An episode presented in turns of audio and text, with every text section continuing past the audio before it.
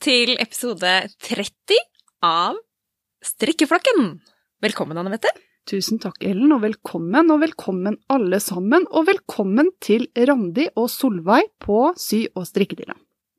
I dag er vi på en ny plass. Ja, ikke ny for meg, men eh, ja. Veldig ny for meg. Eh, Vi har det dessverre sånn at Camilla ikke er med i dag. Hun har mistet noen som står henne nær, og er i en sorg, så vi må bare si at vi tenker veldig mye på Camilla. Og er veldig lei oss for at ikke hun kan være med, men vi har full forståelse for det. Så kommer hun sterkere tilbake senere. Men i dag så tenkte vi da at vi skulle besøke Ellen sin jobb, som er sy- og strikkedilla i Moss. Rett ved Moss Amfi parkerte jeg bilen min. Jeg var veldig bekymra for at ikke du skulle finne fram, men eh, det gjorde du. Ja, jeg har ønska meg stesans til jul i alle år, og aldri fått det. Så det er aldri, vet ikke helt hvor jeg skal og sånn. Det er helt normalt. Så tusen takk for at dere var sporty og tok imot Strikkeflokken podkast på besøk. Det setter jeg veldig stor pris på. Ja. Er det rart å være her sånn eh, i denne settingen? Dere er jo vant til å være her. Ja, det her er jo en veldig uh, uvant uh, setting for oss. Altså, vi er jo uh, Vi har drevet butikk sammen i eh, 13 år, så vi er, vi er på en måte vant til å by på oss sjøl. Altså, det å være ja, selvstendig næringsdrivende og ha liten butikk er jo sånn at vi, altså, vi, er, vi er vant til å by på oss sjøl, men det her, er et, det her er et nytt nivå, kjenner jeg. Ja, litt ukjent farvann. Men veldig artig er det å bli spurt. Så Ja. takk for at dere ville komme til oss. Ja, vi har jo Vi har ikke vært på så veldig mange intervjuer. Vi har hatt et par. eh, Så vi er ikke så veldig drevne på, på det her med å, å liksom ha et ordentlig sånn intervju. Så jeg tenker vi, vi prater litt løst og fast og sånn, og så har vi forberedt noen spørsmål. Um, så er det gøy å så- få inn noen nye impulser, så det mm. syns vi er veldig gøy. Så kan vi kanskje begynne med når starta butikken eh, Sy og strikkedilla? Hva, hvilket år var det den åpna? Vi tok over butikken 1.9. i 2007. Da var den jo Da ble den jo Strikkedilla Moss AS. Okay. Men butikken i seg selv er jo mye, mye eldre enn det, for før det så het den jo Bernina Sysenter. Så butikken og kundegrunnlaget var jo lagt, og det overtok jo vi fra hun som hadde butikken før. Så vi har holdt på da siden 2007, så det er jo 13 år, snart 14 år da jeg har holdt på. Ja. Bytta dere da navn på butikken, og var det da vanskelig å finne ut hva butikken skulle hete? Vi bytta navn på butikken, og det var jo litt sånn fordi at uh, Elisabeth, som vi kjøpte butikken av, uh, hennes butikk het Bernina Sysenter. Ja. Uh, men i løpet av de 25 eh, årene som hun hadde eid den butikken, så har det kommet en del regler om varenavn, f.eks., som hadde endra seg. Sånn at det å skulle videreføre det Bernina-navnet, det hadde vi uansett ikke fått lov til. Så da drodla vi jo litt sånn frem og tilbake med ja, vi må finne et nytt navn på butikken, vi må, hva skal vi finne på? Og så var det vel litt sånn at eh, jeg, husker at jeg sa til Randi at egentlig er det det samme for meg hva den heter, men det må være noe norsk. Jeg er liksom opptatt av det at det skal være, altså, det skal være norsk, da. Norsk navn og altså, ja. Så da endte vi på eh, Strikkedilla. Og så var det et eh, annet eh, AS fra før som het det, så da het vi Strikkedilla Moss. Og så tok det vel ikke så veldig lang tid før vi skjønte at eh, det var eh, Der var vi litt raske. Eh, Fordi at eh, halvparten av butikken vår er jo eh, sytilbehør og kviltestoffer. Og ja, nå har vi broderier i tillegg, det hadde vi ikke da. Men, men vi skjønte det at mm, strikkedilla, det ble kanskje litt sånn Det var litt lite betegnende for eh, alt som vi hadde inne i butikken. Det ble snevert, rett og slett. Det beskrev ikke alt det vi hadde. Nei, for da ble dere en strikkebutikk, Ja, og ikke en sy- og strikke- og sytilbehør og kvilting og brodeributikk, som dere egentlig er. Så da, men så er det jo heldigvis, eh, som på veldig mange mm, områder i livet, det er lov å ombestemme seg. Så da bytta vi rett og slett navn etter eh, Var det kanskje et par-tre år? Og vi skjønte at ok, det her, den kan faktisk ikke hete bare strikkedilla hvis vi har tenkt å, å fortsette å være um, alt det andre. Så kan ikke butikken hete bare strikkedilla. Så da landa vi på sy og strikkedilla. Og det mener jo jeg er et godt navn. Vi er jo veldig opptatt av navn og språk i Strikkeflokken podkast. Vi valgte jo navnet vårt, for vi vil ha inkluderende, et inkluderende navn. Mm. Og flokken til å begynne med besto jo av våre mødre, for vi fant ut at vi måtte være over fire til seks medlemmer, og vi var bare tre. Så da regna vi med noen mammaer, og da var vi en flokk. Så det var sånn det begynte, for vi vil jo at alle skal med. Og det å ha et navn som beskriver egentlig hva det er, det tror jeg er viktig, da. Så syns jeg er bra navn. Men hvordan ble dere kjent? Vi er eh, svigerinner. Ok. Så vi har kjent hverandre Jeg hadde nær sagt nesten hele livet, men det er jo ikke det, da. Men altså øh, Det er Siden 1995. Ja, det er 26 år siden. Ja. Jeg ble kjæreste med Randi sin bror. Ja, de ble faktisk kjæreste på bursdagen, ettårsdagen til min førstefødte. 13. oktober 1995 ble de sammen. Oi, oi, Så vi har kjent hverandre siden da. Rett og slett. Så det er ordentlig familiebedrift. Det er en Er familie. jo. Så Ja. det er juleselskaper og full fres og Ja, det er det. bursdager og Ja, det er det. Og det har eh, Altså, det Vi, vi, vi snakka jo faktisk om det, fordi da Randi kom i eh, 2007 og sa at jeg har fått tilbud om å uh, kjøpe den butikken som er arbeidsplassen min nå. Uh, og det vil jeg veldig gjerne gjøre, men jeg har ikke lyst til å gjøre det alene. Eh, har du lyst til å være med på det? Så hadde vi jo en samtale, så det var jo faktisk en bevisst eh, handling. Eh, bra bevisst til deg og meg å være, for det er jo da som sagt noen ganger vi er litt raske. At, at, altså det at vi, vi på Ja, vi er svigerinner, eh, og vi treffes på jul og, og bursdag og nyttår og, og alt det greiene der. Skal vi i tillegg jobbe sammen seks dager i uka, så må vi på en måte Da må vi ha et eh, forhold og en relasjon som tåler det. Som, uh, hvor vi kan si ifra, hvor vi kan være uenige, for det kommer vi til å bli. Det har vi vært. Altså det, Det er en naturlig er del av et samarbeid. Uh, er, er vi på en måte er vi klare for det? Og det var vi. Og det har gått kjempefint. Ja. Men det har jeg lagt merke til også eh, sånn sett utenfra, da, at dere har veldig sånn ryddige former. Det er liksom Ja. Dere har på en måte Hva skal jeg si, ja? Virker som dere har noen retningslinjer. Om, om det liksom er bevisst eller ubevisst, det vet jeg ikke, men, men Nei, kanskje ikke dere tenker over det. Men jeg, jeg, tenker nei, Men vi, vi, men det ser jo ut som det funker veldig bra. vi er jo i utgangspunktet på, på noen områder så er vi jo ganske like, på Ja. andre områder så er vi overhodet ikke like, men vi har vel kanskje, kanskje moralsk sett de samme arbeids... eh, Den samme arbeidsmoralen, da. Med at eh, når vi er på jobb, så er vi på jobb, og når vi er på jobb, så gjør vi jobben vår. Mm. Og gir og yter det beste av oss selv. Og byr på oss selv og Ja, jeg vet ikke noen annen måte å Jo, og det, det er nok altså fordi vi er, jo, vi er jo på noen områder veldig like, og så er vi på noen områder eh, ekstremt forskjellige. Men samtidig så har vi nok litt sånn samme grunnverdier, da. Mm. Og så har vi jo vi har jo gått inn i det her, og det å være to stykker, altså fram til vi ansatte deg, Ellen, så var det, det var meg og Randi for alltid. Altså det, det var bare oss. Det var vi som jobba, og det, det, det gjør noe med relasjonen, da, når du på en måte vet at eh, hvis ikke jeg gjør det, hvis jeg tenker at den arbeidsoppgaven her, den, den gidder ikke jeg å gjøre, så må Randi gjøre den, da. Ja. Fordi det er altså, altså det, er der, det er der vi er. Ja. Hvis ikke jeg gjør det, hvis ikke jeg bærer ut søpla altså det, er- det, er- jo helt ned på sånne bitte små ting. Hvis ikke jeg bærer ut søpla når jeg går hjem fra jobben, så står den her når Randi kommer i morgen tidlig. Ja. Så vi har vært, vi har vært veldig øh, flinke, syns jeg, til å, å på en måte øh, legge litt ekstra, fordi at vi vet at Randi kommer i morgen, da skal hun være her. Da er det hun som skal være her alene i åtte timer.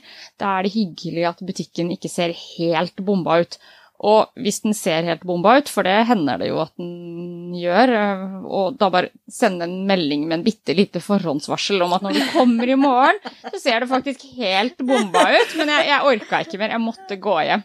Ja. Mm. Så det er um... Og så er det jo sånn at eh, sånn som Jeg har jo jobbet mandager og tirsdager. At jeg vet at når jeg går hjem på mandag, så er det jeg som kommer på tirsdag. Da kan jeg godt gå ut døra og vite at ok, jeg får bare ta tak i det. Jeg kan komme litt tidlig i morgen og gjøre litt ting før jeg åpner butikken. Ikke sant? Og, og rydde unna. For da er det bare meg som møter det som står igjen i butikken.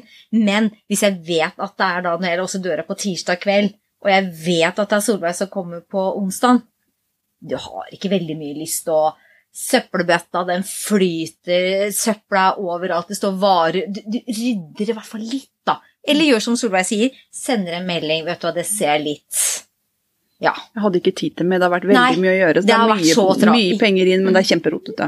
Ikke sant? Så, sånn er det jo. Og sånn eh, vinterhalvåret hos oss er jo det den tiden på året hvor det er mest hektisk. Vi får mye varer, vi har mye kunder. Vi kan, kan få varer fra Sandnes tre ganger i uka, ikke sant? Og da kan vi få fire-fem kasser kanskje hver gang. Og det er mye som skal ryddes på plass. Det er jo ikke bare det at du får kasser som du åpner og så skal sjekke ut av, i forhold til fakturaen, men det er også kunder som venter på varer. Ikke sant? Ikke sant? Og da skal du pakke unna det, for det er liksom det vi gjør. For eh, vi går jo tom for farger. Og, og, og da legge av til dem, så skal du sende dem en melding. 'Nå har garnet ditt kommet inn, nå kan du komme og hente.' Vet du, Den prosessen Alt tar jo tid. Ikke sant? Alt, Ja, ja. eh, Så det er mye, mye arbeid med å få varer. Og innimellom der er det kunder, og du skal drive Ja, og telefon, og det er mailer du skal svare på. Så det er eh, Ja. Vi har litt å henge fingra i. Rett og slett.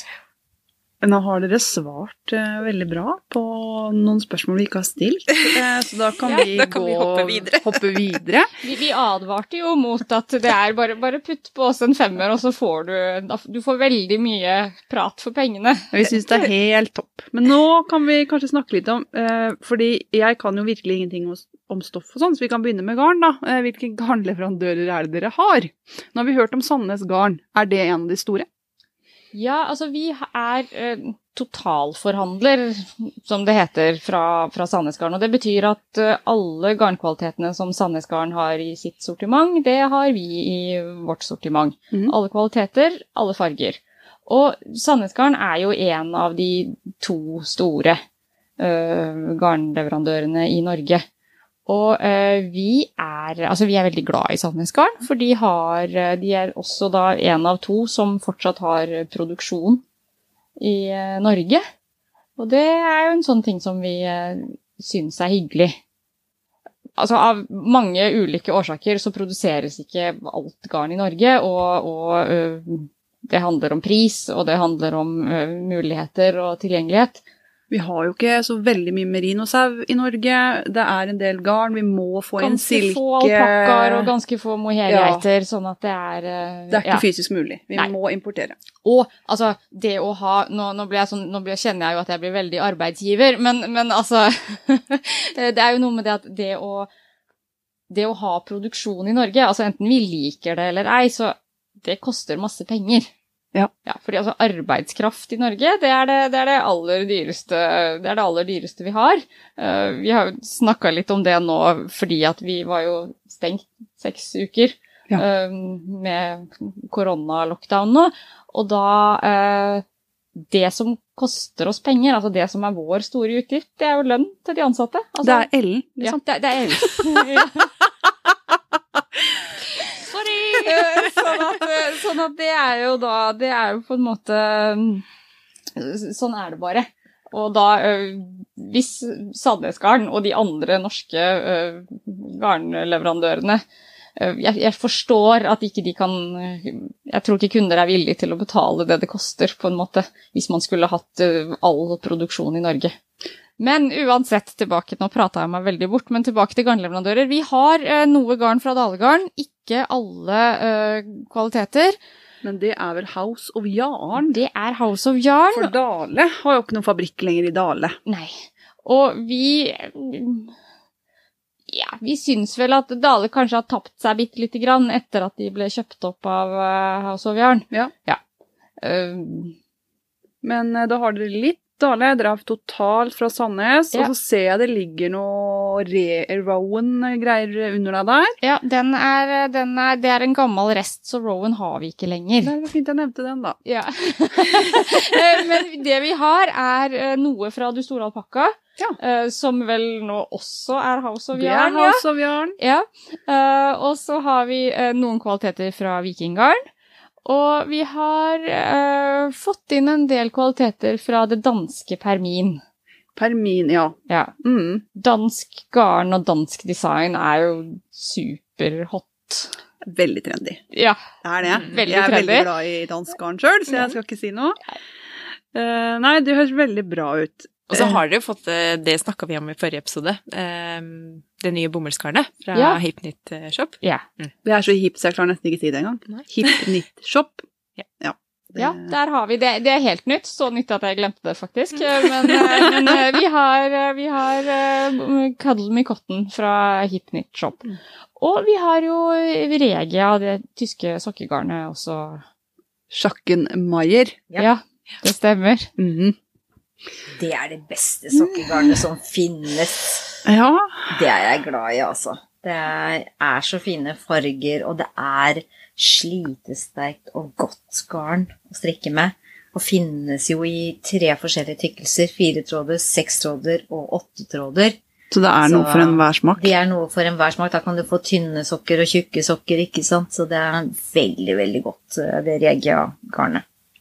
Og du som er så glad i sokkestrikk, Ellen, har vel strikka mye. Kjempeglad i det. Vi ga jo deg et sånn Regia-nøste.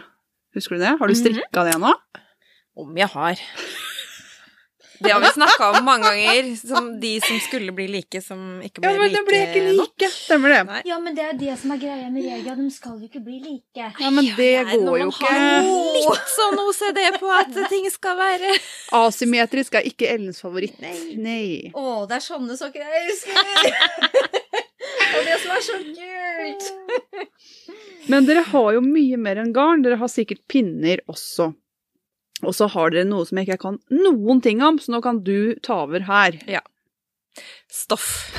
jeg er så Jeg er jo ikke noe sånn eh, kviltedame, men eh, jeg, jeg selger noe stoff til det, da. Men dere kan jo si mye mer om det. Selges det mer stoff nå? Er det mer hot? Jeg har fått med at broderi, det er gått opp. Har, har dere merka det? At det selges mer broderi? Nei. Nei, det er rart. For det Ja. Men, og det er Jeg, jeg tror Uh, Og nå, nå, nå er jeg litt ute på tynn is, men Randi og jeg har vel snakka om i et par anledninger at mossinger kanskje er bitte litt tregere enn enn resten av folk. Alle fra Moss må nå dra fram broderi. Ja. Det er det vi går for Eh, nå. alternativt, hvis dere blir veldig fornærma, så får dere bare ta det med meg. Nei, fordi eh, det er veldig inn i den verden som Ellen og jeg eh, funker, I- med broderi, og man blir jo frista. Nå er jeg snart frist, frista til nuppereller også, så hvis dere som driver YouTube-kanaler kan slutte med de nupperellene, for det har jeg ikke tid til, så hadde det vært veldig fint. For, uh, fordi jeg er medlem av uh, to, tre, uh, fire kanskje, eh, grupper på Facebook. Eh, Hvor de driver med broderier, og det er altså en produksjon av uh, veldig mye sånn morsomme ord og uttrykk, da. Så jeg, jeg har en, en, en mappe på telefonen min med screenshots, og der tror jeg vi, jeg tror jeg nærmer meg 1000 nå. Eh, screenshots av sånn artige ord og uttrykk som jeg har lyst til å brodere. Så en dag jeg får god tid, i romjula kanskje, eh, så skal jeg eh, begynne å brodere. Fordi det er så mye gøy, og, og det er så mye kreative ideer. Og, og jeg vet ikke om, om det er sånn ord og uttrykk, om det er det dere ser også. Vi ser mye Ja, altså, det er mye puter og ja, bilder, bilder. Ja, Ja. og forklær til vinflasker med nisser, Bente. Du må ikke sovne nå. Eh, hun hører jo på oss når hun skal legge deg, vet du, så vi veit jo det. Eh, det. Det er masse småsying, og det er masse på YouTube som har begynt med sånn eh, sying. da. Broderi, korsting. Det er korsting. Korsting. Ja, ja. Og ord og uttrykk, som dere sier. Og Ja. det fins jo liksom bøker og dette er en verden jeg har besøkt da jeg var liten, og ikke vært der siden. Eh, Men jeg vet ikke, broderer du? Nei. Jeg trodde jeg kunne det. Eh, Helt jeg kjøpte de her eh, My First-kittene i starten jeg jobba til Anna Marie og tenkte når du ikke vil strikke, så får du i hvert fall sy eller brodere. Eh, det syntes hun ikke var noe gøy. eh, Og jeg klarte jo egentlig ikke å lære henne det heller, for jeg fant jo ut at det her kan jeg jo ikke. Overhodet ikke. Jeg begynte jo feil ende, og det var jo ikke Nei. Så jeg, har, jeg tror jeg må gå et lite kurs, jeg òg. Ja, men det betyr, så det betyr kurs i brodering, da? Er det står på planen for høsten, rett og slett? Ja, da vil jeg være Fordi med. jeg syns det er kjempegøy, og det er litt sånn eh, avhengighetsskapende, fordi det er så Og det må jo egentlig må jo korsstingsbroderier være helt perfekt for deg, Ellen. Fordi det er alle sammen skal være samme vei, Ja. alle sammen skal være på samme linje, alle sammen skal være Det er veldig uh, firkanta og pent. Det må jo være, det må jo være din våte drøm. har Ja, jeg egentlig. Ja, Ja. Jeg, og jeg har jo brodert før, jeg bare glemte. Jeg, jeg husker liksom ikke åssen jeg starter og åssen jeg Nei. Så, men vi gleder oss veldig til, eh, til uh, mossingene også skal uh, virkelig begynne å brodere. Vi har alt de trenger. Ja, for det jeg tenker da, da har dere sånn broderitråd, Ja. og dere har sånn Aida, heter det Aida? Ja. Ja. Og tellelin. Tellelin, ja. det er for smått for dem som ikke ser godt, vet du. Ja, og så Mm. har vi noe som heter sultan, og noe som heter kongré. Det kan jeg ingenting om. Nei, Nei. det er Hardanger-søm, er Hardanger. da. Vi har til det også. Men vi har, altså, vi har broderitråd, uh, Molinegarden fra DMC. Jeg gjetter at det er en 5000-6000 dokker eh, hengende der oppe. Uh, ja. så det er eh, Og nåler og sakser og stoff og uh, Ja. Vi kan bidra med eh, inspirasjon og gode ideer. Ja, Ja, for det, vet, vet du hva jeg komme. drev med før, og som er det fineste jeg veit i hele verden? Hardangersøm. Ja. Jeg syns det er så pent! Det er, det er helt Det er helt nydelig. Hvitt på hvitt. Ja, Nydelig. Og, og da bruker man jo gjerne sultan. Uh, Ja. Men vi har jo en kunde som uh, hun, hun broderer bokmerker og gir sånne små gaver, ikke sant? Å. Og i alle år så har hun da brukt sultan, men nå ser hun dårligere. Ja. Så nå har hun gått over på den veven som heter kongré istedenfor. For der er det bare én tråd man broderer over, og ikke de to trådene det er i sultan. Riktig. Og da ser hun mye lettere at hun Er er, riktig. er på riktig Og for ikke få kløpt noe feil, Nemlig. for det er den store greia. Og jeg, og jeg var så heldig at eh, det var, eh, var rett før en jul, så kom hun innom, og jeg beundret jo disse bokmerkene hennes. Er, de er altså så fine. Så kommer hun da, denne søte kunden inn og sier her, vær så god. Du skal få et bokmerke av meg. Og det bruker jeg, altså! Det er så fint, og det er det fineste bokmerket jeg har. Jeg Så det bruker jeg hver, dag- hver gang. Det, det ligger i boka mi som jeg har med meg. Ja. Det, så det blir brukt. Så det, det hvite er kanskje ikke så hvitt lenger, men Men det hadde vært noe for deg, vet du. Der er bare firkanter, Ellen. Mm. Jeg går jo, Hvis jeg finner eh, strikkeoppskrifter som har det prinsippet, firkant på firkant som bygger mønster, Ja. Rigmors votter, Ja. Birger Berge sin eh, kofte, elsker det. Mhm. Og det er fordi jeg syns det er så fint. Hardangersøm, altså. Mhm. Det går jeg for. Ikke broderi sånn annen. Jeg går for Hardanger-. Men når man ser dårlig, så må man ha sånn Ikke den eh, Da måtte vi ha den andre. kongre. Kongré. Mhm. For vi kjøper jo ikke briller. Jeg har briller, men jeg bruker dem jo ikke. Han sa jo det, at eh, ja, du kan bare kjøpe noe, for det kommer til å bli verre. Og så bare Da blir jeg litt sånn Hvor mange briller skal jeg gidde å kjøpe før jeg kommer til pluss tre, som er der han mener han legen, da. Det jeg skal. Så nå har jeg ikke le av meg. du. Jeg har dem oppe i strikkebollen min. Så når det er krise, så tar jeg dem på. Ja. Men din løsning er jo bare å ta bilde med mobilen, og så bare forstørre. Forstørre. Det syns jeg funker helt fint, faktisk. Ja. Det er verre når man har gjort det så mye at man sitter og liksom Sånn på oppskriften. På papiroppskriften. På papiret, papir, ja. Den går ikke opp, men da må du bare Prøver ta å zoome, bare Ta bildene, og så funker det som fjell. Så, det, nei, så det har vært min løsning nå lenge. Det har gått fint. Det er ikke så mye feil jeg gjør. Nei, Og Nei. alle ler jo når de ser mine tekstmeldinger, for de er en stor skrift. Ja. Ja. Det går fint. Men da har vi snakka litt om sy og stoff og sytilbehør, for jeg Ja. antar dere har alt av sånne små sakser og alt det der. Åh, de har en hel vegg. De har en hel vegg full av eh, alt det der. Ja. Uh, I tillegg har vi jo en hel vegg med uh, kviltestoffer. Altså uh, bomullsstoffer i utgangspunktet ment til lappteknikk. lappeteknikk. Ja. Det er sikkert 1000-1500 ruller der også. pent sortert etter farge. Og det med kvilting er jo en sånn Altså, vi har et, et veldig aktivt kviltelag eh, i Moss, Varna kviltelag. Og de er eh, Altså, det lages så mye fint, og jeg blir jo så Jeg får så lyst til å sy når jeg ser alt det fine som, eh, som de lager. Så det er, det er kjempegøy.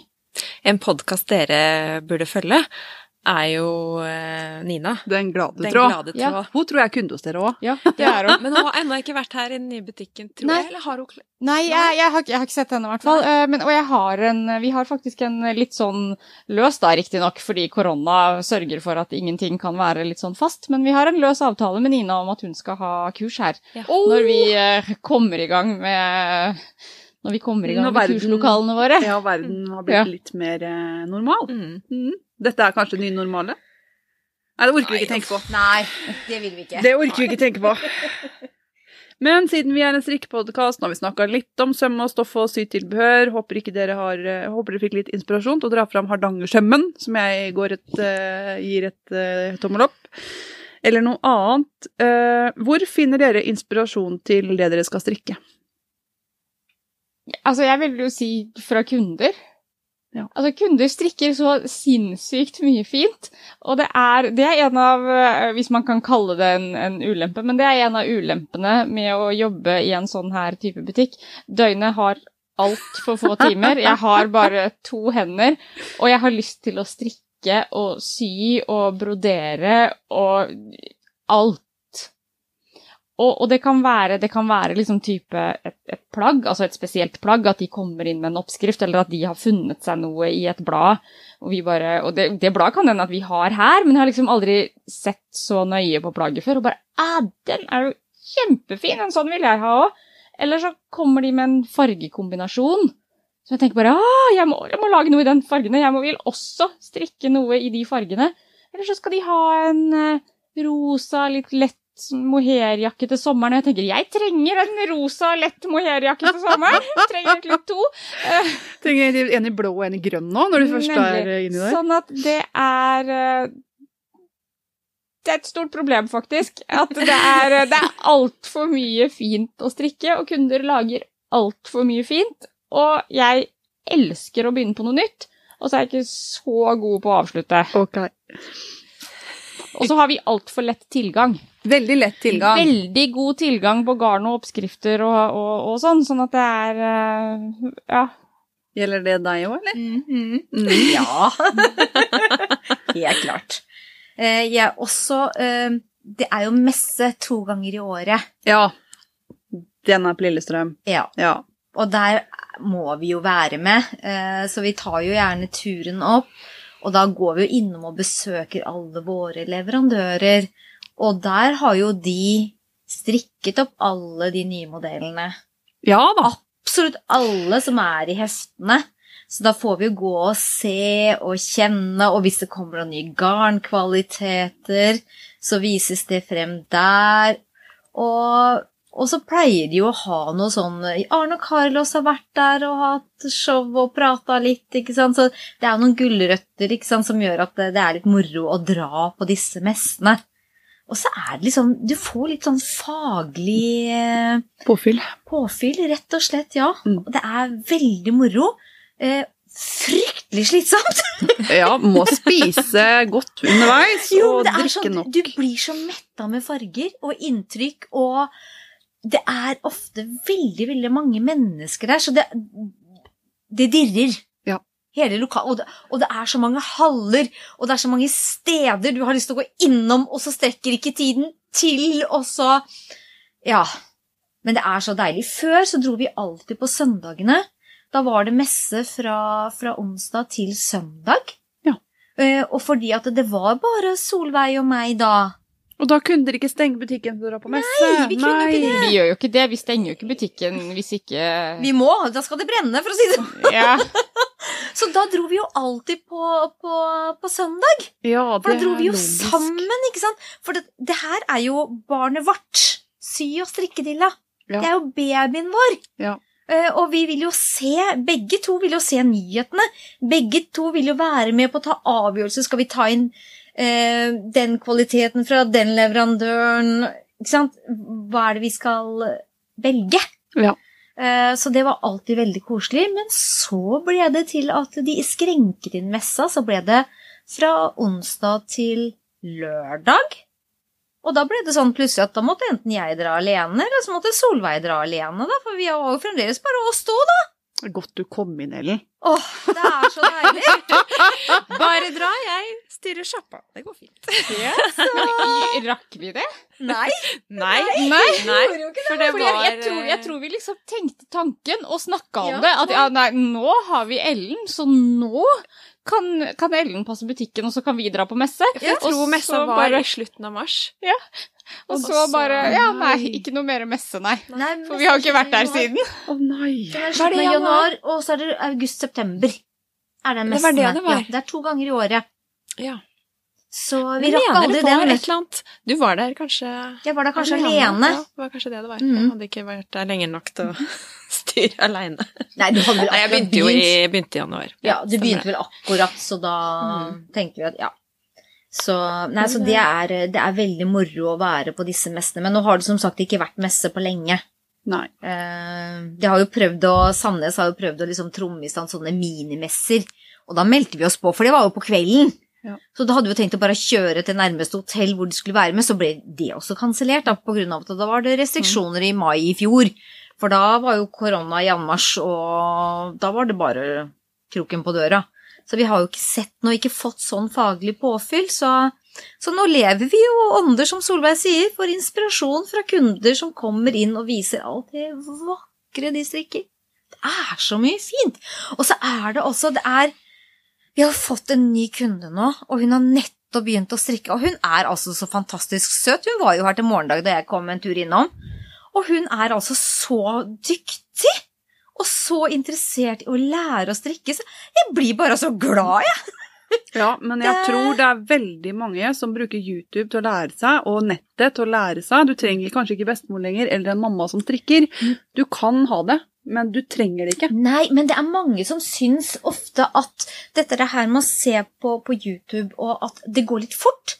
Eh, og så blir det at de, de får ikke helt med seg. Det er noen som trenger litt det der mer praktiske, å se det. Ja. Så vi har fremdeles noen som har prøvd da å se det på nettet, som på en måte ikke ser det helt likevel, og kommer da inn for å få da førstehånds hjelp fra oss istedenfor.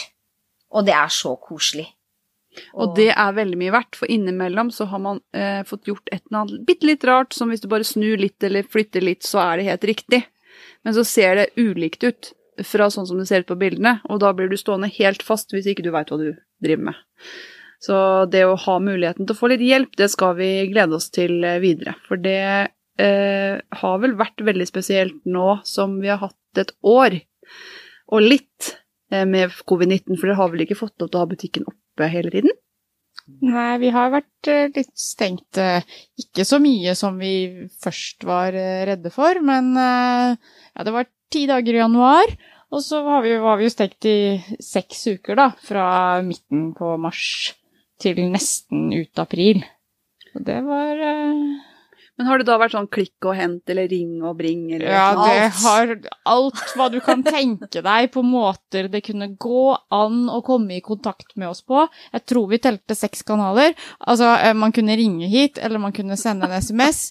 Eller man kunne sende en melding på Facebook-siden vår, eller på Instagram-siden vår, eller man kunne sende oss en e-post. Um, og da hadde vi jo utlevering um, på bord utenfor, og kjørte hjem til de som uh, trengte det. Men det var, det var rett og slett pyton måte å, å drive butikk på. Og jeg tror vi fikk litt sånn uh, ekstra boost på at vi uh, Deler av motivasjonen for å gjøre dette er Ja, vi liker å selge, og vi liker folk. Vi er glad i folk. Ja. Så å skulle stå en hel arbeidsdag og bare ha kontakt med kundene eh, på melding og på e-post, og jo da, på telefon er man jo litt nærmere, men likevel, det, det syns vi var skikkelig pyton. Og det er noe med det at eh, ting er jo hvis du vet at du skal ha fire nøster med mørkeblå smart, det er jo kjempelett å bestille på en melding eller på en telefon, men, men hvis du skal ha eh, Du har lyst til å strikke noe, men du vet ikke helt hva, og i hvert fall ikke hvilken farge, så blir det fort en sånn litt sånn frustrerende eh, telefonsamtale eller meldingssamtale for alle.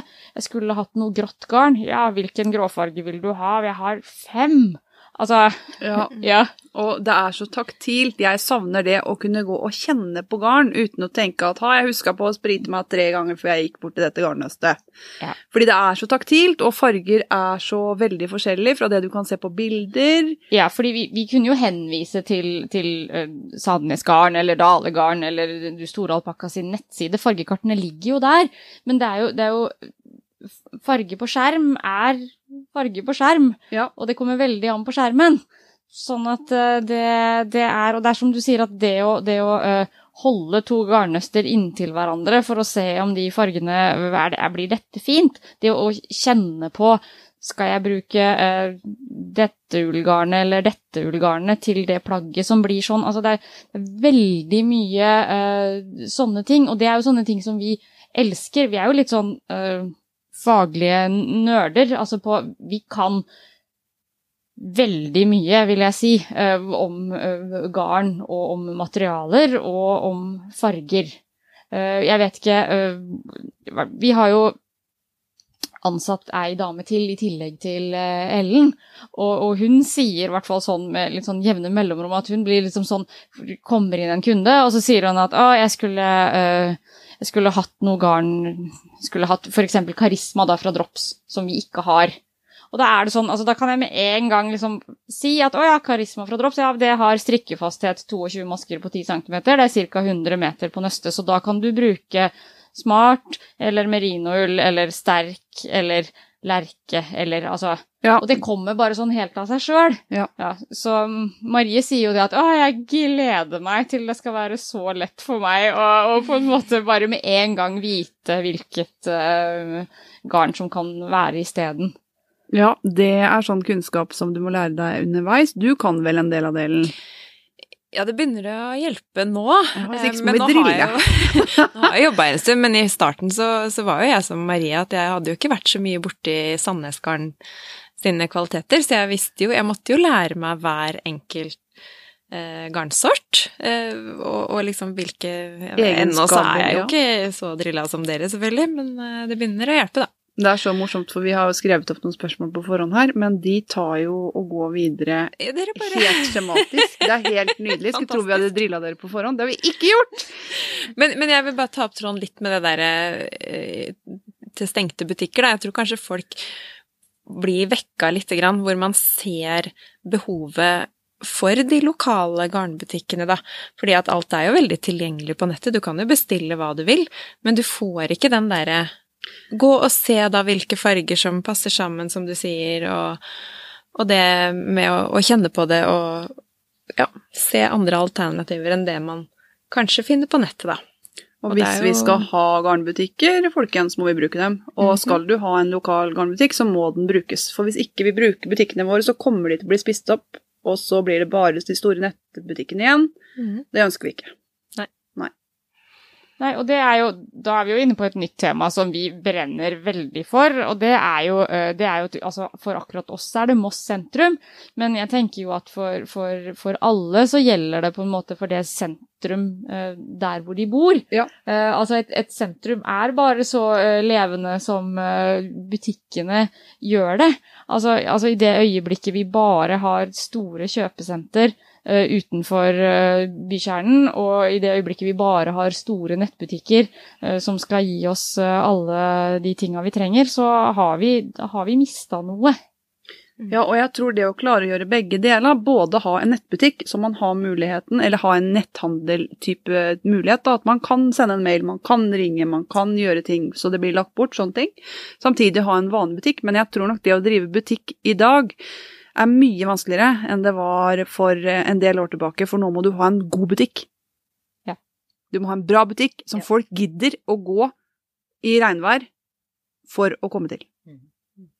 Fordi vi er blitt bortskjemte. Fordi sentrene er store, og de har mye inne. Inne på et senter er det mye. Eh, Så for å ligge på utsida av et senter, så tror jeg du må være ganske god og ha en bra butikk, og en butikk som folk har lyst til å besøke. Og da kan jo vi si at det er det her. Det er jo dere helt rå på, da. Kundeservice.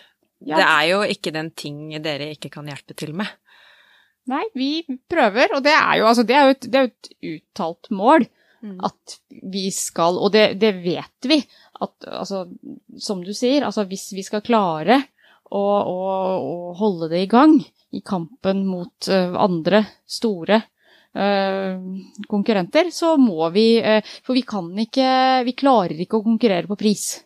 Altså hvis vi, hvis vi ser på eh, hva heter de her nå, da? Eh, Strikkemekka, eh, og de her som jeg får eh, reklame for på Facebooken min hele tiden, eh, som til enhver tid har eh, 40% rabatt på en eller annen garntype. Hvis vi selger garn med 40% rabatt, så tjener vi ikke én Da går du i krone minus. på garnet. Da tjener jeg ingen penger eh, på det garnet. Og det er klart at det gjør vi noen ganger, fordi at vi tenker at eh, ja, ok, det er, det er bedre å få igjen de pengene vi betalte for garnet, enn at det bare skal ligge her og, og uh, være døde penger. Men uh, hvis vi selger garn til 40% rabatt, så tjener vi ingen penger på det. Så vi kan ikke konkurrere på pris, det klarer vi ikke. Fordi de pengene som vi tjener på det garnet og det stoffet og den broderitråden som vi selger, det bruker jo vi til å betale uh, skatt og moms og arbeidsgiveravgift. Eh, Strøm, leie, Og lønn til Ellen bruker vi de pengene på. Får litt dårlig samvittighet her. Det er bra de tok og ansatte deg, i hvert fall, da. For jeg, er, du, jeg vet at du er flink, så det, det er jeg glad for. Det er vi veldig glad for også. Vi var, og det, det er jo litt Altså, det kunne vi egentlig si noe om, fordi det er jo litt da vi Nå har vi jo nevnt det veldig mange ganger at det var liksom bare Randi og meg, og vi har liksom vært en sånn type nesten enhet i veldig mange år. Eh, og da det ble sånn at eh, jeg skulle gjøre noe annet i tillegg til å drive med garnbutikk, så trengte vi å ansette noen. Og da eh, var det superskummelt. Jeg tror det er noe av det skumleste vi har gjort, faktisk. eh, i, I dette butikklivet. Det å skulle invitere noen eh, hjem til oss. Fordi dette her, er jo, dette her er jo vårt andre hjem. Her er vi nesten like mye som vi er hjemme. Og, og det er Alt her er jo eh, vårt. Altså, vi har kjøpt det med våre penger.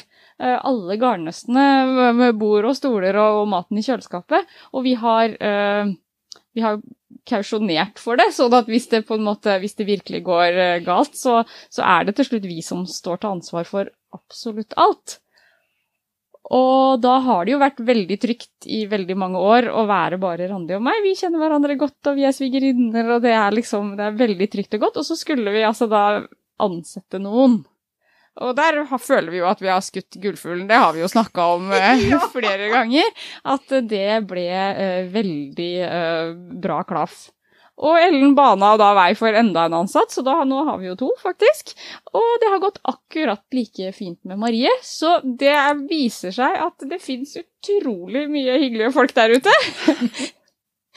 så det er ikke noe skummelt å ansette folk i det hele tatt, faktisk. Det går, det går veldig bra. Ja, det Jeg vet hva du står for, så jeg visste at når du sa at jeg har lyst til å begynne å jobbe i garnbutikk, så visste jeg at det kom til å gå helt fint. Så da vet dere det. Strikkeflokken Ellen finner dere da noen dager i uka på Sy- og strikkedilla i Moss. Dere kan plage henne med alle de rare spørsmålene, det tar hun sikkert. Ja, Og kan hende ikke så sender jeg dem til Solveig Randi. det hender, det. Vi får mange rare spørsmål. Ja. Det gjør vi jo. En annen ting vi også gjør, da, som vi ikke har snakka om, vi syr jo også. da, Vi legger jo opp klær for kunder. Vi driver jo med litt omsøm. Omsøm, men er det Ja. mest da sånn justering av lengder på ermer og bukseben? Det er alt. Det er Ja. innsving i livet, det er alt. Ja, vi har, Det ikke vi gjør her hos oss, har vi jo en fantastisk eh, flink sydame som ordner med. Hun ordner med bunader og alt mulig. Og, så, men her primært så legger vi opp bukser og skjørt og kjoler og det vi kaller enkeltsøm, reparere hull og sånt, bytte glidelåser i en bukse og sånt. Så det, så det er litt sånn som gjør på siden av alt mulig. Jeg er så fascinert når Så- du da sier enkel søm, for jeg kjenner jo at det er jo ikke enkelt i det hele tatt. Og det å kunne ha en sånn service der du kan få det gjort, det må være topp Ja, Og kan- montering av strikka plagg Ja, også. det har vi jo. en. Man kan komme hit, og jeg vil påstå å få hjelp med typ absolutt alt man trenger hjelp til av søm. Mm. Uh, Lena er superflink og får til det mest utrolige uh, ting som vi sender hennes vei, og bare det der fikser sikkert Lena, og det gjør hun faktisk. Det mest fantastiske oppdraget jeg har sendt til Lena, vet du hva, det er altså så gøyalt. Det var en kunde som kom da hennes sønn skulle gifte seg. Og så hadde hun ikke lyst til å bare legge penger i en konvolutt og sette det på gavebordet. Så hun hadde kjøpt en sparegris. En stor sparegris i keramikk. Og så lurte hun da på om Lena kunne da gjøre halvparten av grisen til en brud og halvparten av grisen til en brudgom. Med klær, liksom. Med klær! Og vet du hva, jeg grøsser når jeg snakker om det. Vet du, Da den kom tilbake Jeg holdt på å dø. Den var så fin! Tenk deg det blikkfanget den grisen var på det gavebordet. Og vet du, Grisen hadde perlehalsbånd på damesiden. og flosshatt på herresiden. Vet du hva, den var altså så uh, helt fantastisk. Lena ordna på strak og fikk, hun fikk frie tøyler. Men det, for en idé! For en fantastisk Ja, idé! Istedenfor en konvolutt. Nemlig mer penger, så det hadde bare putta penger oppi sparegrisen. Ikke sant? Ja, det er helt uh, rått. Helt strålende gaveidé. Bare sånn et lite tips til dere lyttere der ute. Det. Trenger du klær til sparegrisen din? Send det til Lena. Ja. Send det til Lena. Sparegrisklær, det har jeg aldri tenkt på at jeg trenger. Nei, nei.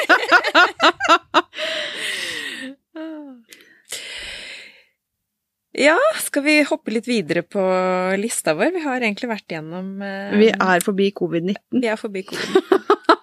Vi har kommet Her står det 'Favorittartisten'.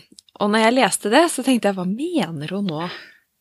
Så sendte jeg melding, men det var ikke det hun mente. Hun mente hva er deres favorittstrikk? Det var Google som hadde fiksa litt sjøl, så det hadde blitt autokorrekt. Ja, autokorrekt, som var favorittartisten, og det var ikke det det skulle være. Det er favorittstrikken. Når dere, hva er det det gøyeste som er å legge opp? Er det votter, er det genser, er det topper? Ja, det er vanskelig å svare på. For, for meg eh, Vi snakker ofte om at eh, det finnes liksom forskjellige typer strikkere. Altså, noen er liksom en, en eh, Altså hvor det er selve strikkingen.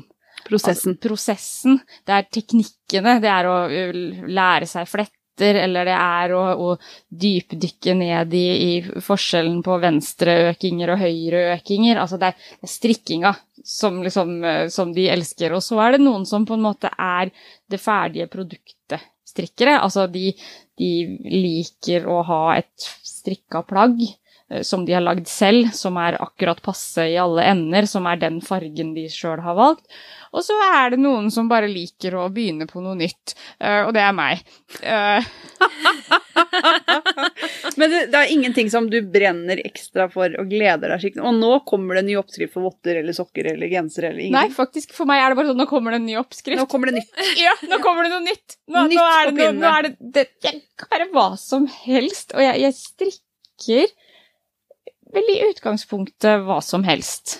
Ja. Eh, ikke så mye eh, store plagg. Altså, jeg strikker som regel til meg selv, fordi eh, tanken er at det er eh, det er viktig å eh, lage strikkaplagg, fordi et strikkaplagg er eh, mange, mange, mange timer. Og for meg som ikke rekker å strikke så mange timer om dagen, så er det mange, mange uker Ja. med eh, strikking. Eh, så det må eh, gis bort til folk som virkelig setter pris på det. Verdig strikkemottaker. Og der står jeg øverst på den lista. Det er ingen som vet hvor mye arbeid som ligger bak, bedre enn meg. Så jeg, jeg strikker veldig mye til meg selv. Eh, og så har jeg ble tante for to år siden til en liten gutt, og han har jo fått en del strikkeplagg, da, fordi det er jo kjempegøy å, å strikke noe til han, og foreldrene hans syns det er så stas med strikka plagg, sånn at det er, det er veldig gøy. Men nei, jeg er nok ikke noen sånn uh, jeg elsker votter, eller jeg elsker sokker, eller ja. Eller gensere, som det er for Ellen og meg. Nei, eller gensere, sånn som dere er. Ja, nei, jeg er nok best bare sånn, jeg bare liker å begynne på noe nytt. Randi, ja. Ja, nei, jeg er veldig glad i topper og, og, og gensere. Jeg strikker mye store plagg sånn eh, til meg og min datter, da, som har oppdaget uh, um, hvor deilig det er å ha hjemmestrikka. Så de siste årene så har jeg faktisk strikka mye både til meg selv og til, til henne. Men primært så gjør jeg som Solveig, jeg strikker stort sett til meg sjøl. Ja. Veldig egostrikk. Jeg vet hvor mange timer jeg bruker på disse strikkeplaggene, og, og jeg bruker dem. Ja, men jeg, jeg syns ikke det er egoistisk, ja, for det blir å si Ja, nei, jeg vet ikke. Jeg syns det bare er helt greit. Eh, Jeg, jeg, jeg er jo en, en sånn genser- og koftestrikker, og, og jeg fikk litt sjokk her om dagen fordi jeg rydda i klesskapet mitt. Nei, du må aldri rydde der. Nei. og så begynte jeg å telle. Ja, For du har strikka vanvittig mye gensere. Det er fire basic-gensere og en kontrast Ja. uten kontrast. Det er fem gensere bare. Jeg har over 40. Nei! Og det er bare de jeg har strikka sjøl. Jeg har jo en del som mormor og mamma har strikka òg. Er det langermet, da? Eller, eller det Ja, det, ja, det er bare 40, ja. langerma. Ja, så har jeg jo de sommertoppene i tillegg, da.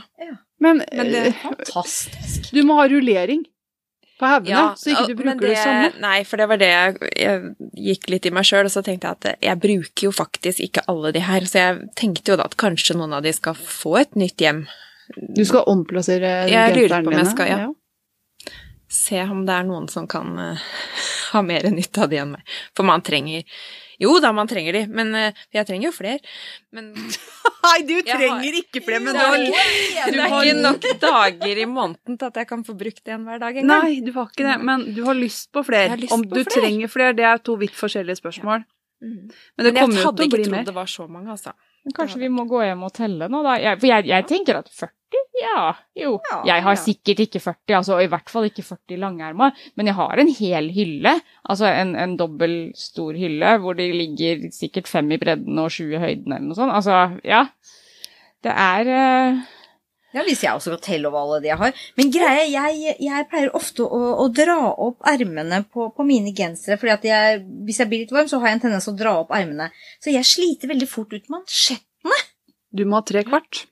Nei, jeg hater det. Ja, du hater det, men du drar opp de lange. Ja. ok, T-skjorte går vi for da. Så det blir så enten så må jeg strikke meg sånne T-skjortetopper, eller så må det være ned dit. For jeg, for jeg er egentlig en frysepinne. Å ja, så du vil ha det langt? Ja, for jeg vil ha det langt, fordi at jeg fryser mye. Men noen ganger sånn som Nå har vi jo fått en trapp her i det nye lokalet. Det hadde vi jo ikke før. Ja, Du kan tenke deg når du løper opp og ned den trappa med munnbind noen ganger om dagen. da trenger du ikke Eh, du, du blir ganske varm. Ja. Og da er det veldig greit å kunne Hvis ikke du har en jakke på deg, hvis du har en gens, ullgenser, så er det veldig greit å kunne dra den opp Ja. litt på ermet. Eh, så jeg, jeg har en tendens til å slite ut mansjetten.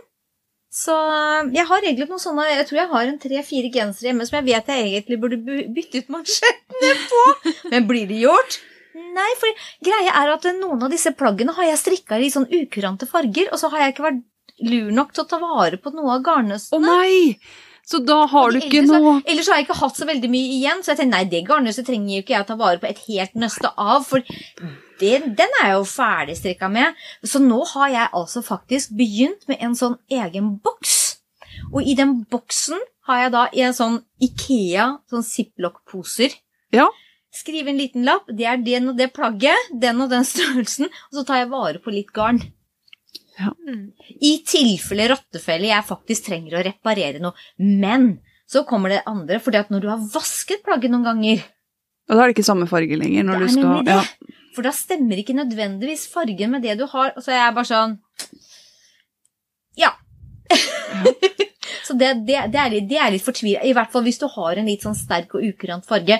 Grått og hvitt det pleier jo stort sett å være, være greit, men eh, sånn som jeg har strikka meg en Marius-genser, og den er i en sånn petrolfarge i falk som jeg brukte, som har gått ut. Og jeg har altså ikke nok til å strikke to mansjetter. Jeg har kanskje nok til å strikke én. Men uh... Ja, da må du velge høyre eller venstre. ja! Eller klippe av og kanskje bruke opprikksgarnet, da. Og så strikke nedover. Jeg har liksom lekt med den tanken nå. Så bare ta litt kortere. Så om noen Ja. år så har du sånn to centimeter mansjett. Det har du reparert så mange ganger. Men kaste strikkeplagg, det kan man ikke gjøre. Men jeg er for gjenbruk, sånn som Ellen det, det kan kanskje være at noen plagg kanskje fortjener et nytt hjem. Eller så har du vært så heldig Jeg, Du skjønner, jeg lagde fiskeboller i karrisaus, og så satt, hadde jeg på meg min, min uh, skigenser som jeg hadde strikka i DNA to, Nei, skøytegenser var det, 2004. Og den var selvfølgelig da lys i bunnfargen. Med karrisaus. Ja, så sto jeg og rørte i karrigryta. Og gjett hva Og jeg er jo Jeg søler jo alltid når jeg lager mat, så jeg burde egentlig bare ha tatt av meg den genseren før jeg begynte å røre den karrigryta. Men det gjorde jeg altså ikke, så jeg har altså en skikkelig fæl flekk midt på den genseren. Så den genseren er nå sånn Hvis jeg skal ut og luke bedet, og det er litt kaldt ute, så har jeg på meg den genseren. Hvis jeg skal ut og vaske mopeden min, har jeg på meg regnbuksa, så har jeg på meg den genseren. Så den er blitt litt degradert, da. Men den varmer like godt. Men løsningen nå er at det er så inn med håndfarga garn med spetter. Så legg genseren, ta fram karridunken og bare dryss på. Og så bare Det her er håndfarga garn. Håndfarga garn. Dette er helt håndfarga à la karri. Dette det blir også et kurs til høsten, eh, hvordan håndfarge garn eh, Med i, den, i den ferdige genseren med karri. Eventuelt tomatsaus, som også er en annen sleger. Den er også en eh, slager, vet du. Man kan ta med den matretten man liker best. Ellen kan ta med kaffekanna, for det har du en tendens Ja, ja, til å ordne. Det var på den hvite, det. Ja, det var på den hvite som fikk kaffeflekk, og det ble kjempeutfordrende. Fikk du av den? Jeg rakk opp. Det er akkurat det. Mm. Jeg turte ikke å ta sjansen. For det hadde ikke kommet så langt, så det ble fem centimeter ned, og så begynte jeg Klippte jeg av garnet, og så begynte, fortsatte jeg. Den turte jeg ikke å ta sjansen. Ja, og så kommer da neste spørsmål. Hva gjør du hvis du har strikka en feil? Langt nede, rekker man opp? Eller lager man en litt god juks? Ja. Hvis det er til meg sjøl, og jeg kan skjule det ganske bra, så gjør jeg det. Lager en juks? Mm, men ja. hadde jeg strikka for noen andre, da hadde jeg rekt opp. Jeg strikket en body med, eh, med flette midt foran, og jeg klarte da selvfølgelig å vri den ene fletta helt nederst i begynnelsen feil vei. Og det oppdaget jeg ikke før etter at jeg hadde montert den. Den var helt ferdig. Og jeg syns jo Og det var fletta over to masker, bare. Og jeg syns jo den skreik imot meg. Ja. Men skulle jeg rekke opp? Nei, vet du hva? Da tok jeg meg i det. Og da lagde jeg. Da tok jeg bare en tråd, så sydde jeg, og så dro jeg maska den andre, Andre veien veien isteden. Og det, det syddes jo ikke. Ja. Så, jeg, så jeg er egentlig for en eh, god juks. Jeg sa ingenting. Jeg vasket den og pakket den pent inn, og vær så god, gratulerer til nybakte mor og far. De har aldri merka det, kan Ah, jeg ikke hørt nesten noen ting, så tror jeg har gått helt fint. Men det både Ellen Camilla og jeg øver på, det er at hvis vi står og lurer på burde vi tatt opp nå, eh, for innimellom begynner ermer er gjerne prøvelapp hos meg, jeg gidder ikke prøvelapp, men jeg begynner med ermen, strikker den først, og så tenker jeg sånn, den er litt trang, og i stedet for å begynne å dra inn og sånn, jo da, det går fint, så har vi da begynt å skjønne at når du kommer sånn, da kan du bare begynne på nytt, for det kommer ikke til å løse seg når du har strikket 30 cm, for da må du fortsatt ta opp, for det er fortsatt for trangt, det kommer ikke til å bli passe. Ja, det er rart det der, men, eh, men det er akkurat sånn det er. Hvis du, hvis du, hvis du har tenkt to ganger den her Ja. kanskje blir litt liten. Den, den gjør det. Ja. Ja, den blir litt liten. Den blir for liten. Det er bare å hoppe i det med en gang. Så det øver vi veldig på, da. For det er så surt, for du er så i gang, og du gleder deg, og det ordner seg sikkert, og så gjør ikke det. Og samme farger, hvis du er sånn Går dette? Går dette? Tredje gangen du spør deg spørsmålet Går dette? Nei. Det gjør ikke det. Nei. Det blir ikke bedre. Blir, den gule er ikke mer gul eller mer grønn etterpå som kommer til å løse seg. Det, det blir de fargene. Ja, nei da, det, det Så vi øver på det, da. For det er jo, når vi er i prosessen, så er vi jo, vil vi jo bare videre. Vi vil jo ikke nedover. Nei. Er Men jeg har funnet ut at hvis jeg, hvis jeg tviler, hvis jeg på en måte Ja. Blir dette her bra, eller kan jeg leve med det? Nei. Nei, da kan du egentlig ikke det. Nei, jeg kan ikke det, så jeg har bare, jeg har bare innsett det. Så jeg bare, ok, er bare eh, Hvis jeg skal bare opp noen rader, så bruker jeg gjerne litt mindre pinne. Så går jeg, så finner jeg en sånn runde rundt, som jeg fisker bort rundt hele runden, og så rekker jeg opp. Så, så går det jo ganske radig, men det er utrolig fort det går an å rekke opp. Det går mye fortere å rekke opp enn å strikke, da. Mm. Det er skikkelig dårlig gjort. Det er veldig dårlig gjort. Men det er sånn det er. Men det er sånn det er. Og vi, og vi, vi får jo ofte spørsmål Du strikker vel aldri feil? Å jo. Du trenger ikke ha strikka i 20-30 år. Du strikker feil. Vi strikker feil. Vi er mennesker, vi gjør feil Nemlig. hele tiden. Og det Sitter gjør nå Du og strikker bakover, ja. Ja, du gjør det. Jeg syns det. Jeg så det var rar retning på det. Eh, pinnestørrelser er favoritten. Eh, hos meg er det jo tre. Eh, hos deg er det vel fire. Mm. Og hvilken er deres favoritt? Da tror jeg jeg sier tre og en halv. Ja, Ja, Tre og en halv til fire, vil jeg da si. Ja. Ja, der. ikke sånn spesielt glad i 9 og 10 og 15. Nei, nei, nei. det er så slitsomt. Ikke. Nei, det, er, det er ikke noe Det er forferdelig slitsomt. Ja. Og så har jeg noen som kommer innom. Ja, datteren min skal begynne å strikke, og vi tenker tjukkgarn og tjukke pinner. Og jeg bare sier nei. Tenk pinne 4-5. Vet du hva, du skal ikke begynne, for det er, så sier jeg, det er så slitsomt og tungt å holde i sånne tjukke pinner, så det anbefaler jeg aldri. Og jeg skal si, det tenker de ikke på. Ja, og Så hvis de, du eh, ser for deg en strikkevaier, da. Så er den veldig tynn, og så skal du opp på 15 mm. 15 Ja, er- er som fingrene til folk. Det blir en veldig stor overgang, og hvis du er litt stramme i masken da, så er det vanskelig å få dem ut. Og nye strikkere, de er gjerne veldig stramme. Ja, det skjønner jeg, livredd for å kjempestramme i, Ja. i maskene. Stort sett alle. Jeg, altså, jeg, jeg syns jo det er artig med, det er artig med store pinner, og det har jo liksom er sin effekt, sin- sin sjarm. Men, men, men eh, når jeg skal strikke, så liker jeg best sånn pinne tre og en halv. Og jeg som strikker så stramt, da er jo kanskje når Solveig strikker på tre og en halv, så strikker jeg på fire. Det var så morsomt, for vi skulle strikke et sett som modell å ha i butikken. Eh, Så Solveig skulle strikke buksa, så skulle jeg strikke jakka. Solveig strikka buksa på to og en halv, og jeg strikka jakka på tre, og det så dønn likt ut.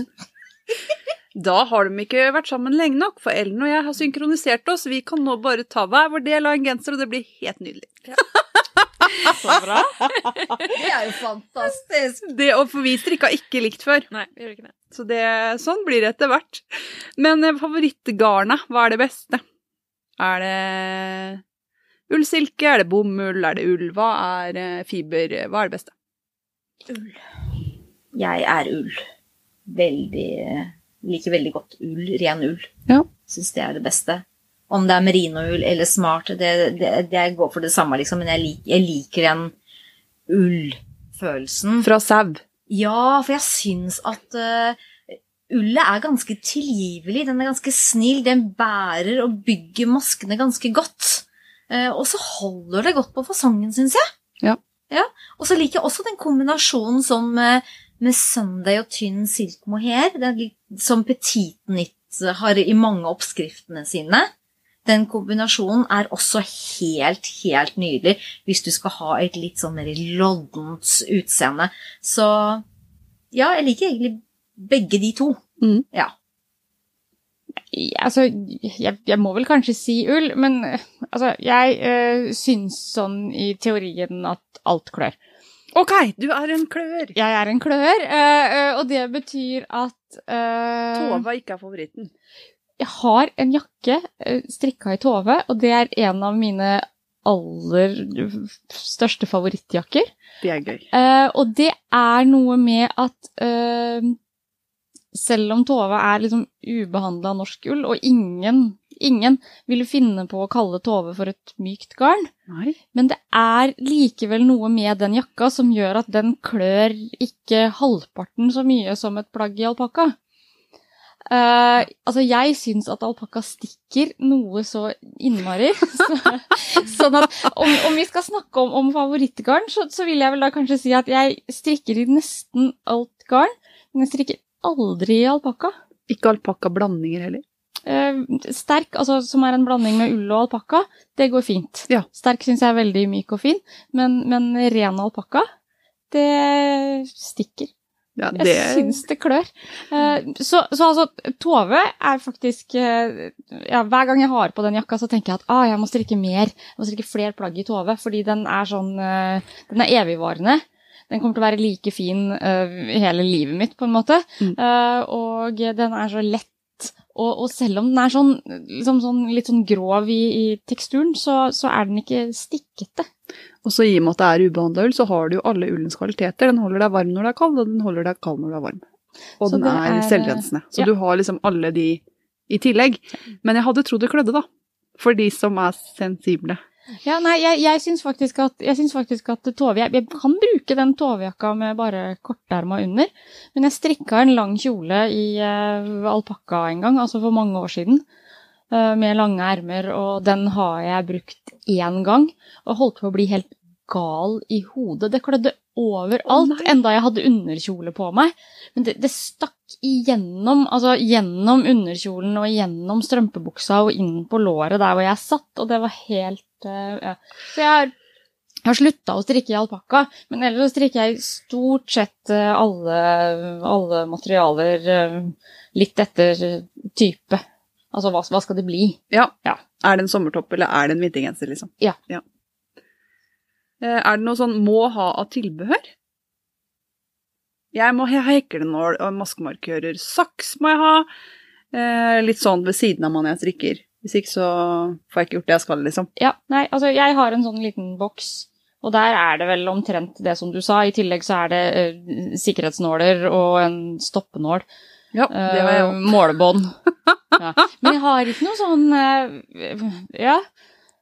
Strikkepinner. Altså, det, det er, det er, jeg har sikkert nok strikkepinner hjemme til å kunne starte eget utsalg derfra. Eh, vi hadde en liten opprydding i, i strømpepinnene her, fordi nå bruker stort sett bare trepinner på strømpepinner, men jeg har jo ikke fordi det er rart med det, men sånn garn og strikketing, der kan man ikke kvitte seg med noen ting. Fordi det er jo fullt brukende ting.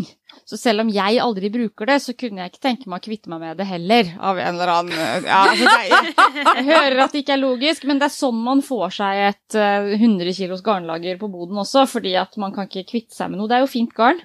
Det er jo Det er brukende. det er brukende, Den- den dagen du dette skal jeg strikke sitteunderlag av, 100 stykker antagelig, og, og dette skal jeg strikke 200 grytekluter av, og altså, ja, i det Da store og og det hele. vi bruke de pinnene som ligger innerst bakerst, med den rare kabelvail-greia som har krølla jeg- seg så den ikke kommer opp igjen noen gang. Jeg fant jo ut da at jeg hadde, jeg har sånn, altså, jeg har, hadde jeg noen og 40 da, altså strømpepinner i to og en halv. og det var bare de metallpinnene som jeg aldri bruker, så da, så da de tre setta med trepinner, de lå jo i, et eget, i en egen mappe. Så det er eh, en dag, hvis jeg får ånden over meg, så skal jeg rydde i de tingene der, og så skal jeg gi det til en skole eller et eller annet sånt noe, men det, er, det sitter veldig langt inne å kvitte seg med strikketing. Men eh, nei, jeg har nok ikke noen sånn veldig sånn eh, Må ha ting. Må ha gadgets. Nei, jeg, jeg kan bli også veldig oppfinnsom. Jeg har brukt eh, tannpirker som flettepinne på fly. Husker du det? Det husker jeg. Jeg bestemte meg for å ha flette på det jeg strikka, og så hadde jeg jo ikke tatt med noe flettepinne. Og så var det jo vært eh, matservering, og da hadde de jo sånne runde tannpirkere. Ja. Funka som fjell. Ja. Og så bare å ta en liten garnstump og lage deg en løkke, så har du en maskemarkør. Det bør ikke være så avansert, Nei. men det er noen ting jeg må ha. Eh, Ja. Ja da, det, det må være en maskemarkør i Ja. strikketøyet. Altså minst én. Der hvor omgangen begynner. Det må det være. ja, Minst. Ja. ja, Jeg har også blitt glad i de nye maskevaierne til Sandnes. Har Ja. dere prøvd dem? ja, de er helt geniale. Jeg har eh, Jeg og Solveig vi delte faktisk en pakke. Ja, Eh, er og noen av dem har jeg faktisk klippet opp i mindre biter. For de er jo veldig lange. De er jo en meter lange. Å bruke da én meter maskevaier på ett erme, det synes jo, når jeg strikker ovenfra og ned, det syns jo jeg er litt overkill. Så jeg har tatt noen av dem, og så har jeg delt i to. Eh, og noen av dem har jeg faktisk delt i fire. fordi at når man skal sette av, når man strikker nedenfra og opp Og så sette 15 masker under, eller 12. Ja, for jeg Mm. feller aldri av de maskene. Nei, det står, gjør ikke jeg. Oftest så står det at du skal felle av de maskene. Jeg feller de aldri. Jeg setter de på da den nye, fine plastikkmaskevaieren, og så masker jeg sammen til slutt.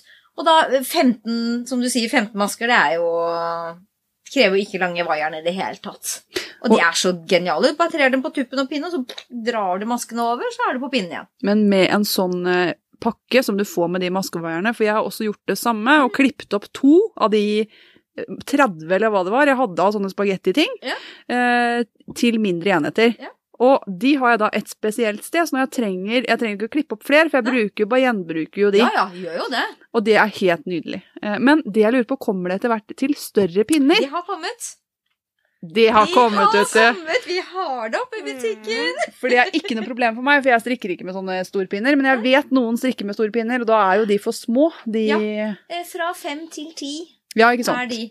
En egen Det fikk vi, var det i forrige uke, tror jeg. Ja. Så det har kommet. For det må jo være genialt. Mm. Ja, for det har jeg savna. For jeg har prøvd virkelig, med de, og det går ikke Det med de ikke. tynne. Nei. Nei, jeg har brukt fire og en halv og fått det over. Det har ikke vært noe Mm. problem. Men jeg har jo ikke strikka med noe så, så tjukke pinner, så jeg har hatt behov for å prøve de tjukke ennå.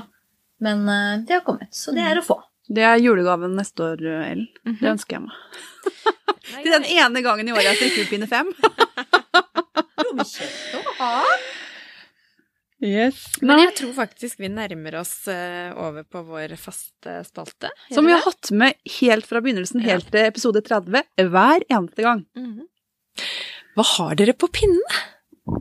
Hva strikker dere på? Jeg strikker Cumulus 10, altså den kortermede toppen eh, med V-hals fra Petit Knit i tynn line. I en sånn Nydelig. dueblå farge. Den fargen er helt nydelig. Det er dueblå, ja. Ja, jeg vil kalle den sånn, sånn gråblå, dueblå. Ja, den er fantastisk vakker. Så det strikker jeg på. Kjempefin. Ja, jeg har sittet og sikla på den fargen helt siden vi kom. den er så nydelig, den fargen. Og det er det eneste som er på pinnen, eller er det mer? Eh, Det er vel det eneste jeg har på pinnen akkurat nå, ja. Men jeg skal ta med meg hjem, eh, fra, også fra Petit Nytt, den som heter Friday Tea. Ja. Det er kommet en sånn stripete korterma som egentlig er strikka i Sunday. Men eh, en sånn korterme tenker jo jeg at jeg, har jeg ikke lyst på ull. Da har jeg lyst på eh, tynn line, rett og slett. Så jeg skal strikke den i kitt i bunnfargen med terrakotta, så den blir veldig lik den hun eh, på bildet. har på bildet, men Mm. det blir tynn line da istedenfor Sunday. Så den eh, skal jeg ta med meg hjem i Det dag. ser nydelig ut. Ja, altså akkurat her nå så strikker jeg på en eh, Stockholm slipover fra Petit Knit, eh, men det er litt sånn væskestrikketøyet mitt. Så den har jeg holdt på med veldig, veldig lenge. Kanskje siden i fjor på denne tida. Eh, Jeg husker at jeg kjøpte en bukse som Så den, den skal strikkes til en bukse jeg har kjøpt. Uh, Som er svart med brune striper, så da strikker jeg brun vest til. Uh, men det var litt fordi at jeg ikke Jeg huska jo ikke at vi skulle være med på podkast når jeg dro på jobben i dag. Sånn at jeg, så jeg hadde ikke med det, det, det pågående strikketøyet. Det er en lavendel-T-skjorte fra Sandnesgarden uh, som jeg strikker til datteren min. Vi har fått strikka den eh, i modell her i butikken, og da hun som hadde strikka den, kom med den, så prøvde Nora den på, og bare 'Mamma, du må strikke en sånn til meg. Den skal være akkurat sånn her.' Og jeg tror den er omtrent Den er bitte lite grann blåere, kanskje, enn den eh, som Ja, Randi er strikker, men den er litt sånn eh, gråblå i fargen, eh, den også. Og så begynte jeg å tenke på da, er det noe mer på pinnene? Og det er det jo helt garantert. Eh, Jeg strikker en sommertopp til meg sjøl, en helt enkel T-skjorte. Eh, Men den eh, Det er en sånn klassisk Den er nesten helt ferdig. Jeg husker ikke om jeg strikka bakstykket ferdig og om jeg nå driver med forstykket, eller om jeg bare har kommet til forstykket, og så syns jeg halsutringinga er litt rar. Oh! Uh, og så tenker jeg den halsringen her er veldig rar, og så strikker jeg litt til. Og så ser jeg på den, og så tenker jeg den halsringen her tror jeg kanskje blir litt rar. Uh, og så strikker jeg litt til. Og så har jeg sett på den, og den halsringinga er definitivt rar. uh, så nå ligger den der. Uh, I skammekroken med den rare, Rare halsutringinga si. Uh, fordi jeg, jeg, forstår ikke, jeg forstår ikke hvorfor den er rar, for den er ikke rar på bildet. Eh, og jeg tror at jeg har, jeg har gjort det helt riktig. Som du skal. Sånn at uh, Håpet mitt er at det på magisk vis skal fikse seg. Uh, når, jeg bare, den skammer seg. når den har skamma seg lenge nok, Ja. og jeg har bare strikka den ferdig, sånn som den jeg, jeg helt bestemt mener er riktig. Og da tenker jeg at da kommer, den, kommer jeg til å ta den på, og så kommer jeg til å tenke at nei, den halsringinga her den var ikke rar i det hele tatt. Sannsynligheten for at det skjer, er sånn sikkert null, men, eh, men det, er, det er planen for den sommertoppen. At det skal være Den skal bare skamme seg litt til, til den halsringinga får orden på seg. Kjenner jeg gleder meg til å se den. Ja, Ja, jeg, og det er det mest spennende prosjektet. Ja. til nå. Ja. Yes. Eh, da må vi bare takke for at dere ble med oss eh, på en episode. Det er vi kjempeglade for. Eh, Så skal vi komme tilbake til hva du og jeg har på pinnen, Ellen. Mhm. Det blir jo en egen avhandling. Det, det, det veit vi. Jeg håper dere som har følt at vi skravler, har satt oss på pause. Ja, For det er lov. Det er lov. Mm. Og så kan man starte igjen. Det går så fint. Genialt med sånne Men podcaster. tusen takk for at eh, dere lot oss komme på besøk. Tusen takk for at dere ville komme. Det var veldig morsomt. Veldig koselig å ha dere på besøk. Så stikk innom eh, Sy og strikkedilla i Moss, eh, rett ved Moss Amfi, innimellom meg Ellen her. Ja. ja. Hvis ikke så treffer dere veldig hyggelige damer, så det går fint. Ja, så er det oss da, Anne Mette. Ja, nå sendte vi igjen de hyggelige damene. Ja. Så nå er vi alene hjem i eh, et veldig flott eh, lokale, fordi det er fullt av garn. Åh, det er himmelrike. Så da kan vi jo gå videre på spalten. Hva har vi på pinne, og hva har du hatt på pinne og har på pinne, Ellen? Ja, eh, det er jo alltid sånn at jeg husker jo aldri hva jeg er ferdig med siden sist, men nå gjør jeg det faktisk. Eh, Jeg er ferdig med, med basic-genser fra Lene Holme Samsø som ikke ble basic-genser. For den tror jeg ikke jeg var ferdig med sist, jeg holdt på med den. Ja. ja. Den endte jo opp med en flettebord i eh, Ragland-fellingen istedenfor at, det- at jeg gjorde som det sto i oppskriften, da. For jeg tenkte at jeg får jo Finne på noe Finne på på den noe. fjerde. Nei, tredje. Unnskyld, tredje. Hallo. Unnskyld. Um, så ja. Uh, uh, og, og nå må jeg tenke veldig på hva jeg mer jeg er ferdig med. Jeg har strikka en uh, Rumper? rumper. Den holdt jeg på med sist. Var, den, Den eh, er jeg ferdig med, og den er overlevert. Den var så vakker. Ja, jeg fikk bilde i stad på. Ja, den var så nydelig. Den ligger det bilder på Instagram. Eh, det gjør det. Eh, og apropos Instagram, da. Eh, fordi du har jo klagd i nød eh, om at vi Eller at eh, ikke tar bilder eh, med Folk i strikk. Folk inni Ja. strikk. Så, nå, så jeg tok deg litt på ordet og tenkte at nå skal du få folk inni strikk. Eh, for du sa ingenting om at man skulle legge ut forskjellige typer bilder. så jeg har klart å legge ut den samme genseren to ganger, da. Ja, men det er folk i strikk, Ellen. Så jeg er så fornøyd, for etter jeg sa det det, så har du bare steppa opp, og det har vært så bra. Det var eh, egentlig den genseren her jeg hadde tenkt å ta bilde av, men det gikk litt fort, da. Ja. Så den kommer etter hvert. Jeg må bare få tatt et bilde av den ja først. den er veldig fin. Den er sånn kremhvit. Ja. Det er vel akkurat det den er. Ja. Mm. Sånn natur. Naturhvit. Mm. Ja. Eh, også ferdig med et pannebånd. Eh, bare et sånn enkelt eh, pannebånd. Det har jeg egentlig ikke fått tatt noe sånn godt bilde av. Eh, fordi jeg strikker jo stort sett til meg sjøl, det er jo ingen andre hjemme som vil ha noe strikk. Eh, sånn at det er jo litt som vi snakka om i stad, at når jeg har 40 gensere, så er det jo fordi at jeg strikker jo til meg sjøl. Det er jo ikke så veldig mange andre, bortsett fra gaver jeg gir bort, som jeg strikker. Eh, så jeg skulle nå strikke meg et pannebånd, da. Og før jeg rakk å få sydd det sammen og festa tråder, så kom Anna Marien og bare «Åh, Hvem er den til? Nei Vil du ha den? Ja! Den ville hun ha. Det ville hun ha. Så det var, og det sa hun da sånn fem minutter før vi skulle kjøre til skolen. Så det var jo bare å kaste seg rundt og få festa de siste trådene og få pannebåndet på den ungen. Eh, og det er i bruk. Og så har jeg spurt pent om jeg kan få lov å ta et bilde av henne. Eh, det får jeg absolutt ikke lov til. Ikke bakfra heller. Eh, nei. Nei. Og det må nesten tas forfra, for at jeg har en sånn flette i panna. Det blir veldig rart, da. Det var egentlig det vi snakka litt om. Det stoppa litt opp, det pannebåndet. Fordi det er en eh, oppskrift som jeg fant på nett. Jeg tror kanskje jeg har sagt det en gang før, nå husker jeg det ikke. Eh, Jeg skulle hjelpe deg å få det til å gå opp, for du hadde brukt kantmaske. Ja, Er det det, det var det. Det er det pannebåndet. Så det endte med at jeg gjorde som du sa, men istedenfor Fordi at det, det var såpass mange masker at jeg klarte ikke å flette det sånn at det ble pent. Ja. Så jeg måtte strikke hver eh, rad for seg i en sånn sju-åtte omganger. Ja. Eh, felta tråden da, og så strikka oppover, Ja. eh, og bare la det over hverandre. Og så juksa jeg det til med de her eh, kantmaskene, sånn at den ene kantmaska ble en vrang når jeg skulle begynne å strikke det sammen igjen, og det gikk helt fint. Så bra.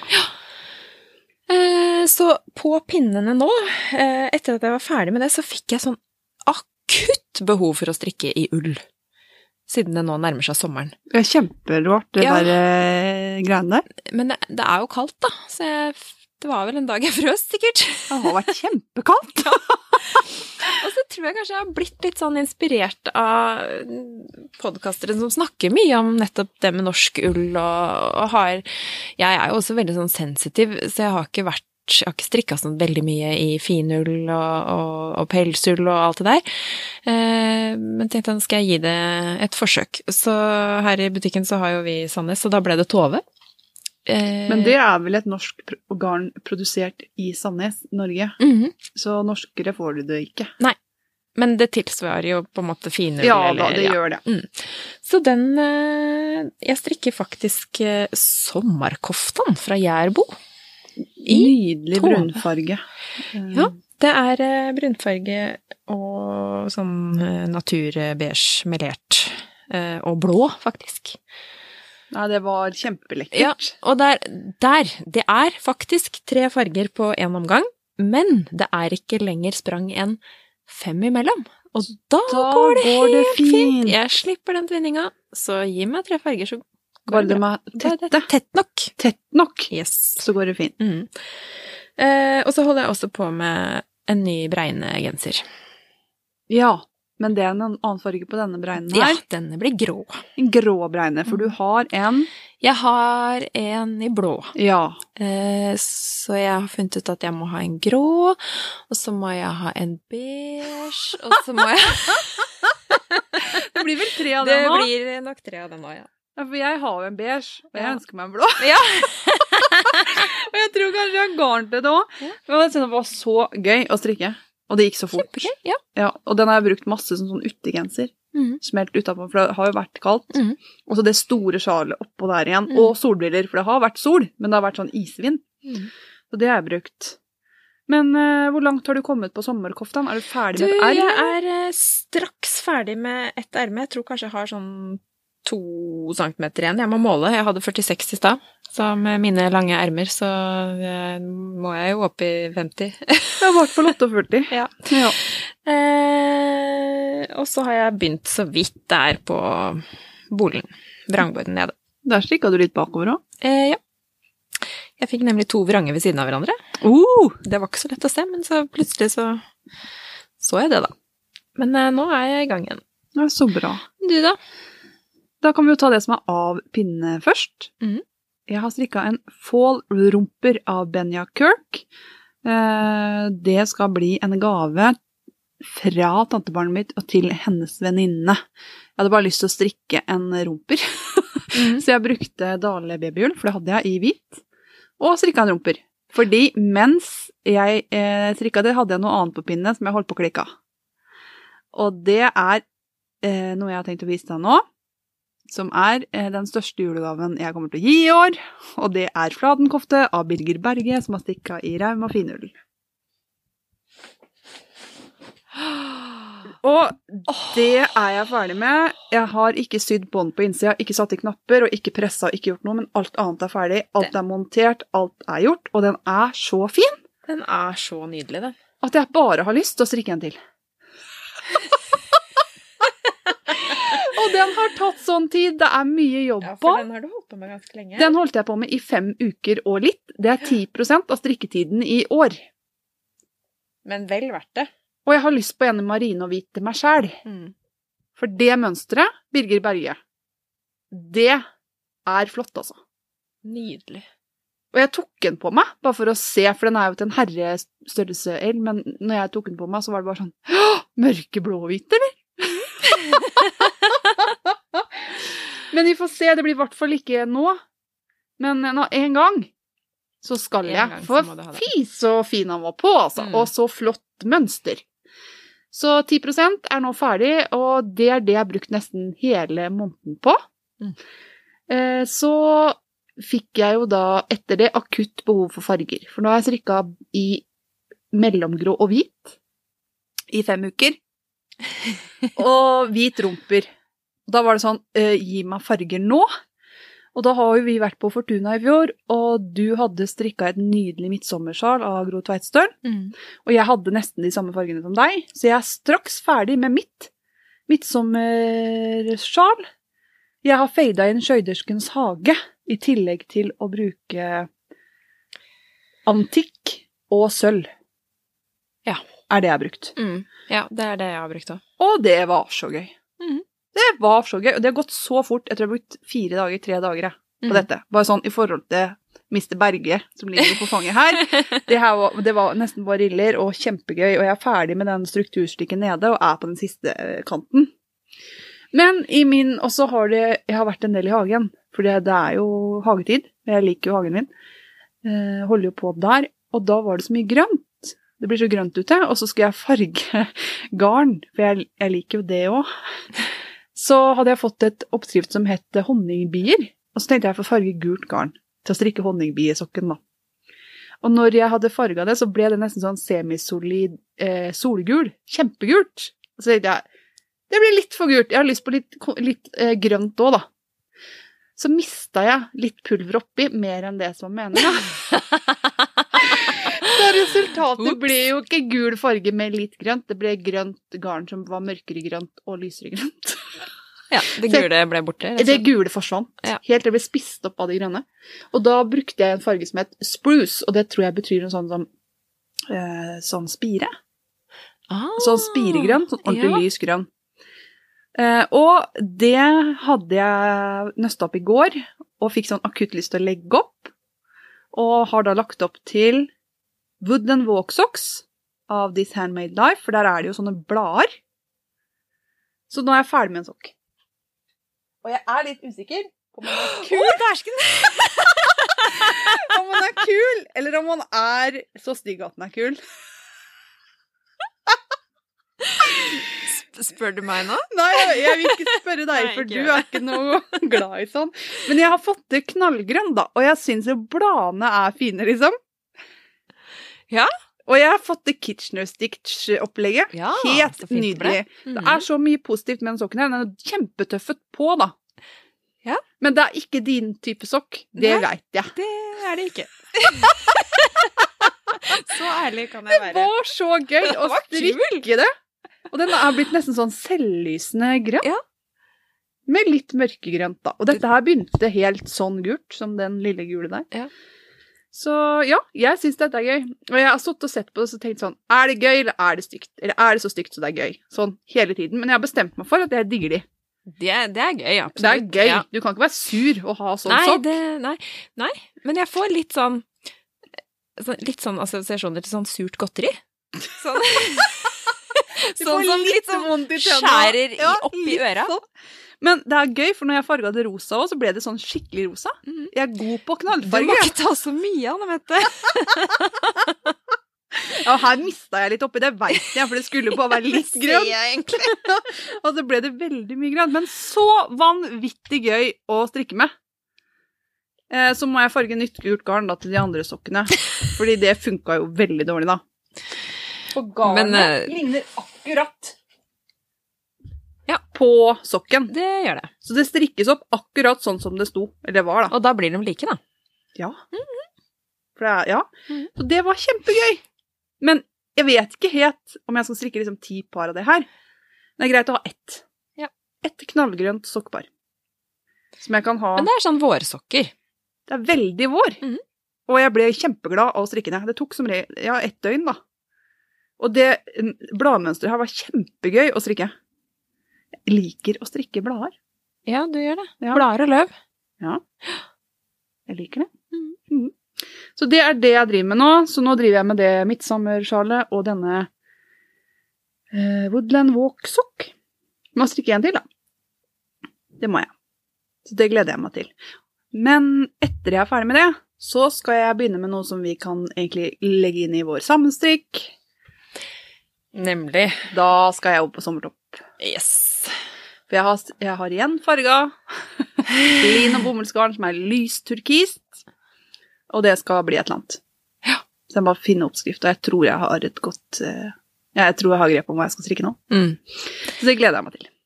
Jeg har ikke vært inne og sett om vi har fått så mye bidrag eh, ennå. Jeg håper mange, mange er i gang. Vi har jo en sommersamstrikk mm. som går til ut i september en gang. Vi har ikke helt satt dato på den.